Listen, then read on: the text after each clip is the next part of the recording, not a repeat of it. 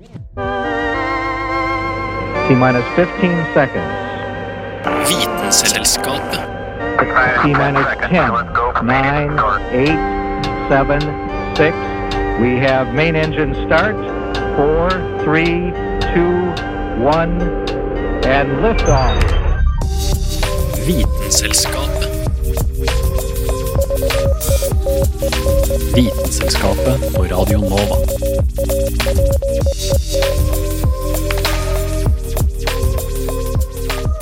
Hei, og velkommen til en ny episode av Vitenselskapet. Mitt navn er Aurora Caroline Thommessen, og på min høyre hånd så har jeg Anna Vik Røsseth. Hallo.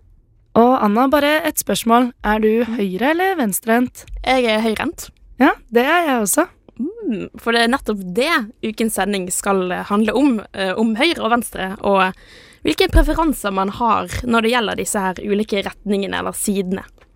For er det bare oss mennesker som er høyre- eller venstrehendt? Nei, jeg vet ikke helt. Og er det andre ting i naturen som har disse ulike preferansene eh, på enten være høyre eller venstre side? Alt dette skal du få vite litt mer om i dagens sending. Og forhåpentligvis så lærer du noe morsomt du kan fortelle til bestemor, pappa eller som en fun fact på en fest. Vitenselskapet. Vitenselskapet på Radio Nova.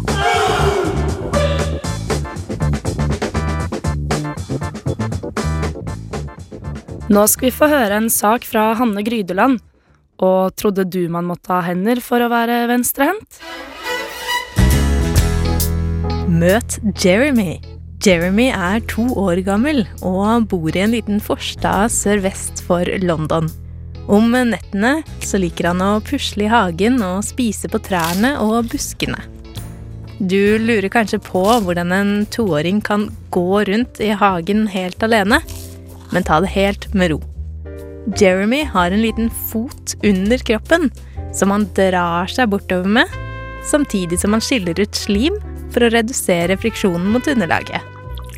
Det går kanskje litt sakte, men han kommer seg framover. Her har du kanskje gjetta at eh, Jeremy ikke er helt som andre barn. Og ja, Jeremy er en snegle. En helt vanlig brun hagesnegle.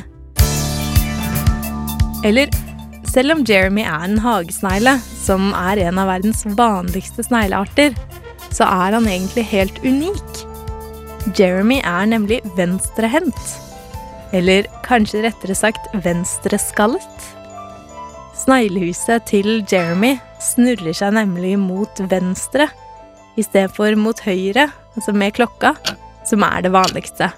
Forskerne kaller denne type sneglesnurr, altså venstreretta, for sinistral, mens høyreretta sneglesnurr kalles dekstral. Og for hver sinistrale snegle er det sannsynligvis flere millioner dekstrale. Så Jeremy er ganske ensom i verden. Hadde det bare vært for at han så litt annerledes ut, så hadde han kanskje ikke tenkt så mye på det. Det er jo tross alt ikke utseendet som er det viktigste, som moren hans pleide å si til ham. Problemet ligger inni Jeremy. Siden han er et speilbilde av en høyresnegle, er alle organene hans, inkludert kjønnsorganet, plassert på motsatt side av kroppen enn hva som er vanlig. Og det gjør det jo ikke bare klønete, men også nærmest umulig å pare seg med vanlige snegledamer. Som Jeremy selv smertelig måtte erfare på egen hånd etter noen mislykkede forsøk.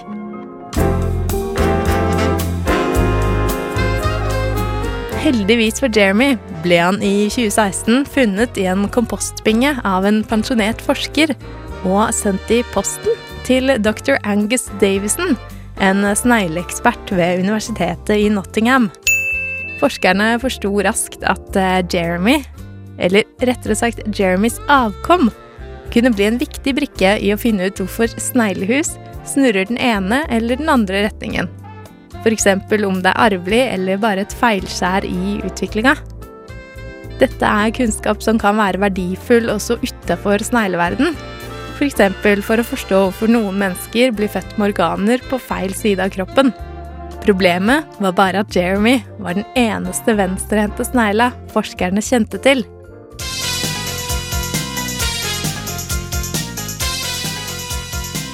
Det ble derfor satt i gang en storstilt kampanje for å finne en passende make til ensomme Jeremy, som resulterte i at hele seks venstrehendte snegler fant veien til Nottingham i posten. Endelig skulle Jeremy få pare seg. Jeremys seksuelle eventyr starta imidlertid ikke så lystig.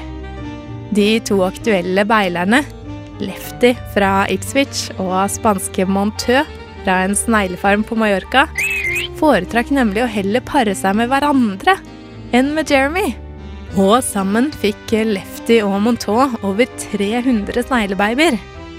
Skulle ingenting ende lykkelig for Jeremy?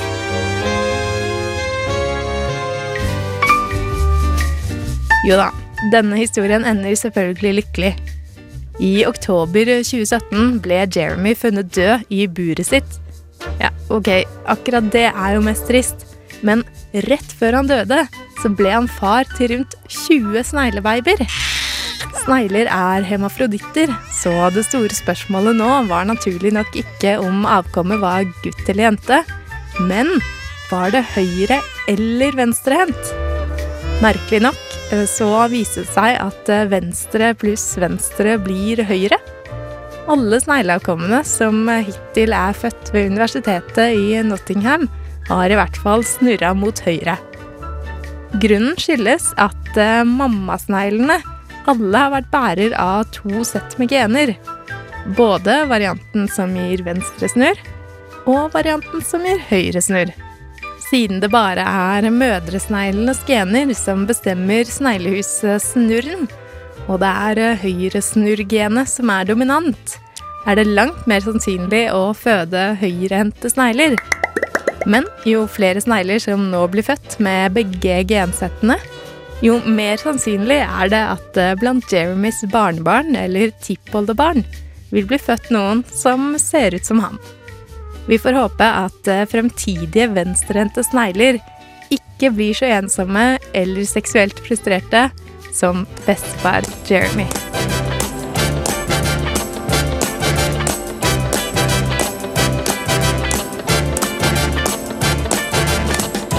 It's not unusual to be loved by anyone. It's not unusual to have fun with anyone. But when I see you hanging about anyone. Blant hagesneglene så er det mye mer vanlig å ha høyre snurr på sneglehuset. Men det finnes jo noen sneglearter der venstre snurr er mer utbredt. Ja, for eksempel har forskere funnet kolonier av venstresnegler flere steder i Sørøst-Asia. Man skulle ikke tro at disse venstrehendte sneglene var en særlig evolusjonær fordel. Bare se på hvor vanskelig det var for Jeremy å føre genene sine videre. Men forskere tror at årsaken til at det er oppstått kolonier av denne venstrehendte sneglen i Asia, skyldes ytre fiender. For en type slange som lever i samme område som disse sneglene, har nemlig utviklet asymmetriske tenner, som gjør det enklere å spise og drepe snegler med høyresnurr. Slangene får imidlertid ikke tak i snegler med skall som snurrer mot venstre. Take that, slanger. Å vite vet Vitenselskapet.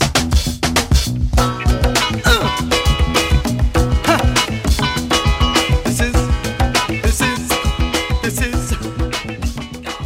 Ja, Anna, kan du egentlig forskjellen på høyre og venstre? Eh, ja, det har jeg lært meg.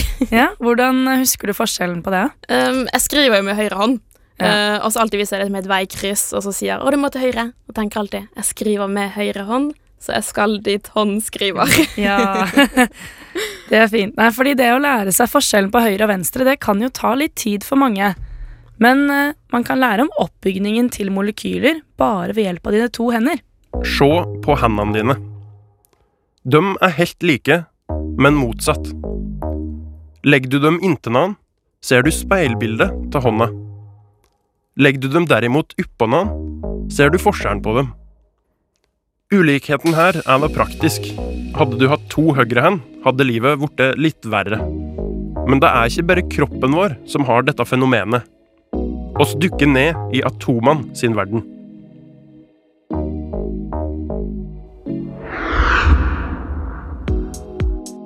Kiralitet kommer av det greske ordet for nettopp hånd. Et kiralt molekyl er ulikt speilbildet sitt, akkurat som hendene dine. Se for deg at håndflata di er karbonatomet i midten, og at fingrene dine er atomene eller atomgruppene som er kobla på.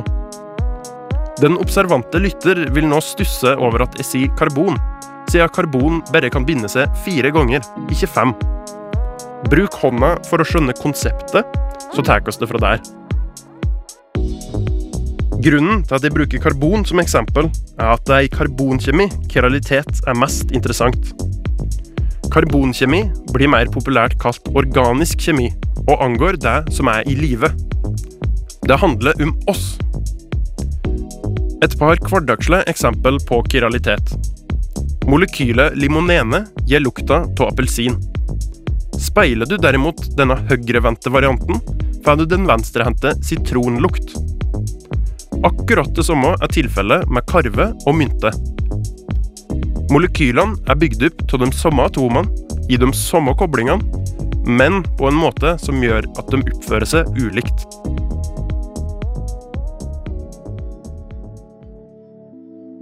Talidomid er nok det mest kjente eksempelet på betydninga kralitet kan ha. I Tyskland på midten av 50-tallet fant forskere ved Kemi Grünenthal et nyttig biprodukt. Stoffet var analogt til et bedøvende middel, og dette potensialet måtte jo utnyttes. Videre utvikling av stoffet viste en ny positiv side. Middelet var kvalmedempende i tillegg. Gravide sin morgenkvalme skulle bli en ting som hører hjemme i fortida. Etter noe testing på dyr ble stoffet sluppet i 1957. Særlig gravide var i målgruppa til dem som skulle selge talidomid. Dette skulle vise seg å få tragiske følger. Som du kanskje har skjønt, er det kiralitet som er problemet med talidomid. Den høyrehendte versjonen er utmerka for å roe ned og dempe kvalme, uten noen store uønska bivirkninger. Den onde venstrehendte tvillingen derimot ødela fosterutviklinga. Som følge av at mødrene tok stoffet, var det stor sjanse for at lemmene til fosteret ble misdannet. Minst 10 000 unger ble født med alvorlig handikap, og ytterligere 2000 døde. Det går overraskende nok an å få kjøpt talidomid på apotek i dag. Problemet med den originale versjonen var nemlig framstillingsprosessen. En mer moderne prosess sørger for at det bare er den riktige isomeren, versjonen av stoffet, som blir produktet. Det som òg mangla på 50-tallet, var ordentlig testing av stoffet. Å prøve et nytt legemiddel ut på noen få dyr viste seg, ikke overraskende, å være utilstrekkelig.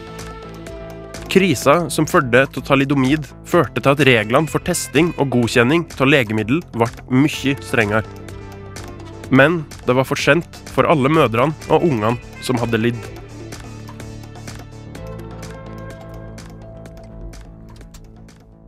Og denne saken du hørte nå, er laget av Carl Adams Kvam. There's hydrogen and helium, then lithium, beryllium, boron, carbon everywhere, nitrogen all through the air with oxygen so you can breathe. Du hører på Vitenselskapet på Radio Nova. Magnesium, aluminium, silicon, phosphorus, then sulfur, chlorine, then argon, potassium, and calcium so you'll grow strong. Scandium, titanium, vanadium, and chromium, and manganese. Selv om vi i dag tar for oss venstre eller høyre, skal vi nå høre at eh, ikke alle i redaksjonen klarer å følge enkle instrukser. For jo da, skapningen vi nå skal få høre om, er høyreist. Men virkelig venstre slash høyrereist.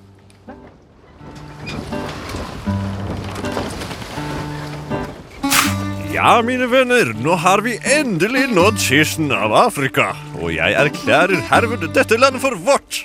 Så sant mitt navn er Papadopoulos. La oss umiddelbart sette på en ladning moussaka og feire vår ankomst.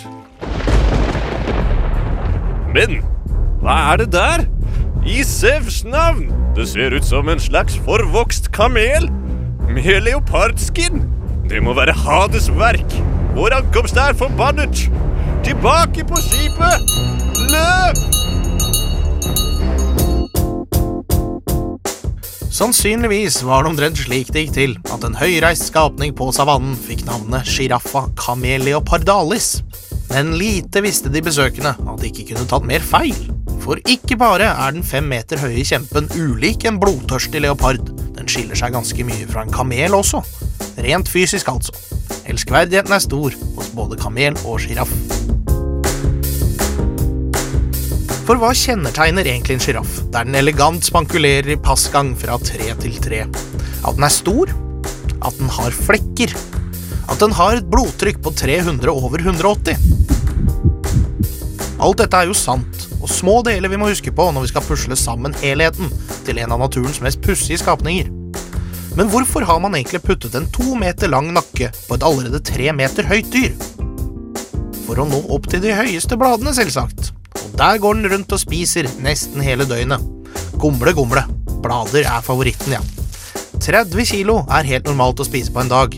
Og fordi den kun sover ca. 7 minutter per dag, tar den seg god tid til å spise. Faktisk så god tid at tunga har blitt svart for ikke å bli solbrent i all spisinga. Men med en to meter lang nakke tilpasset de høyeste tretopper kommer også noen ulemper. Den er veldig lang, men kroppen er jo tross alt lenger. Så om en sjiraff blir tørst og vil drikke, så må den spre beina som en edderkopp på glattisen for å senke kroppen den nødvendige meteren ned mot vannet. Dette er selvfølgelig veldig farlig for sjiraffen, for selv om den er stor, er den ikke uten naturlige fiender. I en slik pinlig situasjon er den verken særlig grasiøs eller mobil, og risikerer å bli tatt av både krokodiller og løver. Heldigvis for sjiraffen får den i seg mesteparten av vannet den trenger fra bladene sine, så den trenger ikke å drikke så ofte. Når sjiraffen ikke spiser, er de som regel i humør til å lage flere sjiraffer. Her er det den sterkestes rett som gjelder, og hannsjiraffen, som er best i nakkebryting, får plukke først og flest. Men sjiraffer er ikke som oss. Hvis hunden ikke har fruktbar status, at hun er for gammel eller gravid fra før, for eksempel, gidder ikke hannsjiraffen å ta seg bryet med å forsøke seg. Derfor følger den etter hunden og smaker på urinen hennes. Hvis østrogennivået er høyt nok, er kysten klar. Deretter tar det 14-15 måneder, og så kommer en ny kalv til verden. Da detter det en klump på størrelse med en velvoksen mann to meter rett ned i bakken fra mammaen sin. Et brutalt første møte med moder jord. Der ligger den litt sånn halvdøsig i 20 minutter før den reiser seg opp og begynner å rusle rundt. Her har våre menneskebabyer noe å hente.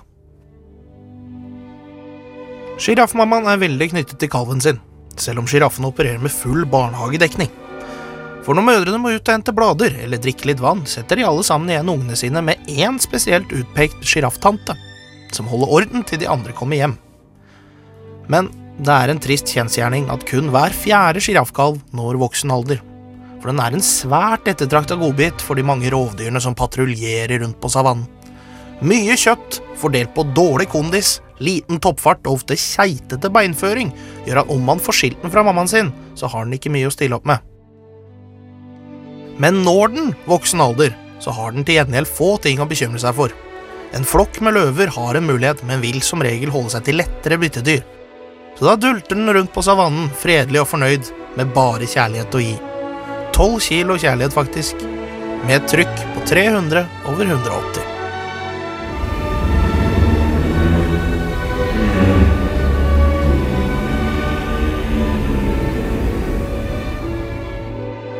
Lyden vi hørte avslutningsvis, var fra en sjiraff av den vennlige sorten, som jo alle sjiraffer er.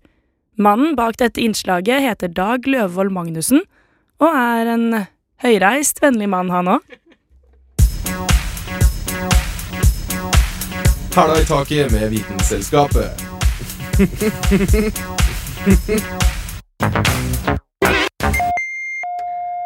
Vi mennesker trodde lenge at det bare var vi som hadde en klar preferanse over hvilken hånd vi foretrakk, men det var helt fram til forskere begynte å undersøke andre dyr. Er din eh, Eller høyre- eller venstrepota? Med mennesker så er det ofte ganske enkelt å avgjøre. Man kan bare se hvilken hånd folk skriver med. For dyr som er eh, analfabeter, så kan det være litt vanskeligere å se. Men det viser seg at også dyr kan foretrekke én labb framfor en annen. For å finne det ut, så blir du imidlertid nødt til å spionere litt på kjæledyret ditt. Bruker de høyre eller venstre forlabb først når de går opp eller ned en trapp? Eller når de går i sandkassa? Når de klatrer over noe, eller hvis de bruker en pote for å få i seg mat? Skriv det ned i en liten notatbok, eventuelt et notat på mobilen, helst over flere dager eller uker. Etter hvert så vil du ha nok observasjoner til å klare å avgjøre om de er høyre- eller venstrepota, eller om de ikke har noen preferanser. Det høres kanskje ut som en del jobb, men da kan du tenke deg hvordan det er å ha det som jobb. Forskere fra Nord-Irland gjorde nemlig det her over flere måneder. De observerte 44 katter i tre måneder mens kattene gikk rundt i sitt eget hjem. Det de fant ut, var at tre av fire av kattene hadde en dominant pote. Og hvilken pote som ble foretrukket, varierte faktisk med kjønnene. Hunnkatter hadde større sannsynlighet for å være høyrepota, mens hannkatter var oftere venstrepota. Interessant nok så er det her likt med oss mennesker, for det er flere menn enn kvinner som er venstrehendte. Forskeren bak kattestudien trodde at dette kanskje kan være knytta til kjønnshormoner. Det å foretrekke høyre eller venstre pote framfor den andre kan også knyttes til flere ting, ikke bare som en artig fun fact om kjæledyret ditt. Forskning på mennesker har vist at venstrehendthet kan kobles til tilstander som schizofreni. Hos hunder så viser det seg at de som bruker venstre labb, eller begge labbene like mye, ofte kan være mer stressa og engstelige enn sine høyrelabbede venner. Dette kan gjøre det enklere og raskere å forstå personligheten og behovene til hundene, slik at man f.eks. kan finne riktig type familie til hunder som blir adoptert bort. Men eh, hunder og katter det er ikke de eneste dyra som har preferanser. Forskere har funnet ut at også dyr som edderkopper kan ha en dominant retning. What? Hvordan går det an når de har åtte hender eller føtter? Nå har det dessverre ikke målt om edderkopper faktisk er venstrehendt eller høyrehendt, men om de foretrekker høyre eller venstre side. Og det her det gjorde de ved å stenge edderkoppene inne i en T-forma labyrint, som gjorde at edderkoppen var nødt til å velge hvilken vei de ville gå. Det virker som at de fleste taranteller er dominante på høyre side, litt sånn som oss mennesker. Det er jo kjekt å vite at hvis du noen gang blir forfulgt av en tarantella, da bør du løpe til venstre. Ikke bare har smådyr som edderkopper en foretrukken side, også verdens største pattedyr, blåhvalen, svinger en bestemt retning. De har jo heller ikke noe som tilsvarer hender, men det de til gjengjeld gjør, er å snurre til én side når de jakter på krill. Og det de fleste hvaler foretrekker venstre. En seier til den venstrehendte befolkningen der, altså. Det kan de trenge, for det er bare ca. 10% av alle mennesker som er venstrehendte. Men med blåhvalen på sin side, så kan det hende at Team Lefty faktisk vinner i rein biomasse.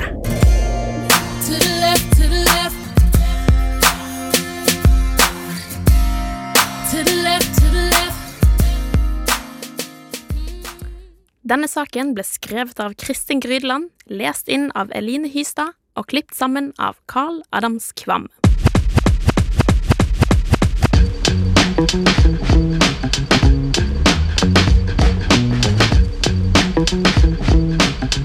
nytt. Det du trenger å vite. Men eh, Anna, hvorfor er det egentlig sånn at noen er høyrehendte og andre er venstrehendte?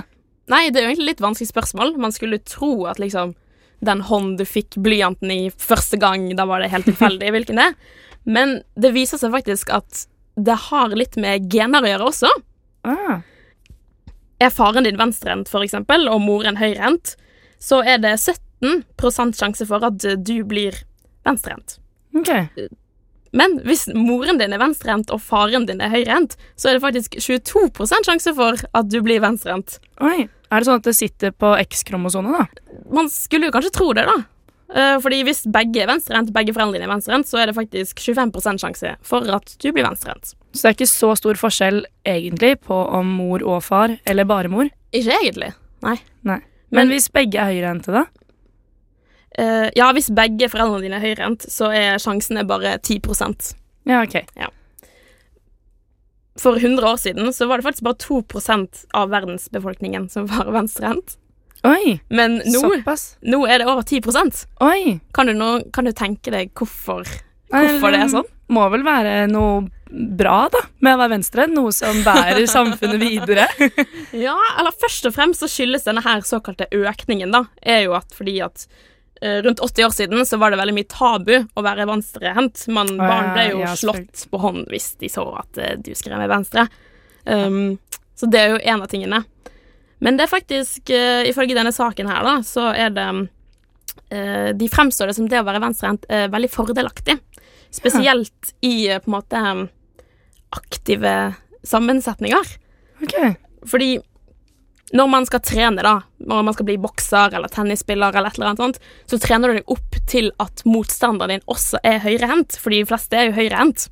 Ja. Så da, hvis du da møter en motstander som er venstrehendt, så blir du på en måte overrasket over måten de spiller på, fordi du alltid har trent med at motstanden din skal være høyrenta. Ja, ja. Så hvis du har lyst til å bli skikkelig god i tennis, så kan det lønne seg å bare øve opp venstrehånden For eksempel. for å lure Ja, ja, for for da blir liksom de høyrehendte litt slått ut, da. ja, ja. For de har på en måte en annen måte å være på. Ja, vi lever jo i en høyrehendt verden, siden de fleste av oss er jo høyrehendt.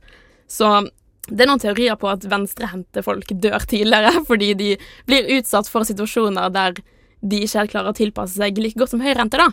Ah, For eksempel, det er jo flest høyrehendte sakser, ja. så de kan jo slå seg litt eller kutte seg litt Så de blir litt liksom litt deprimerte Ja, ja. av at ikke verden har tilpasset dem.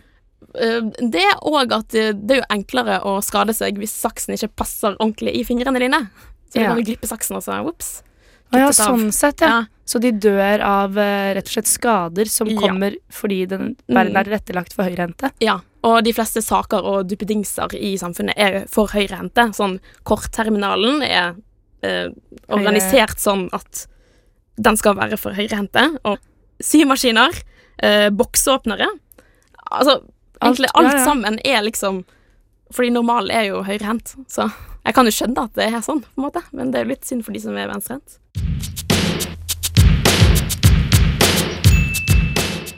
Og så en liten fun fact på tampen. Visste du at eh, alle figurene i The Simpsons og The Muppet Show er venstrehendte? Nei. Wow. Det er sant. Ja. Tøft. Ok, nei, men tusen takk eh, for litt uh, høyrehendt informasjon her, og venstrehendt informasjon. Ja, vær så god.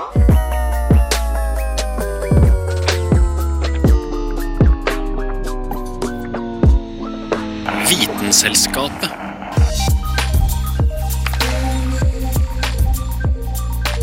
Og det var det vi hadde for denne gang.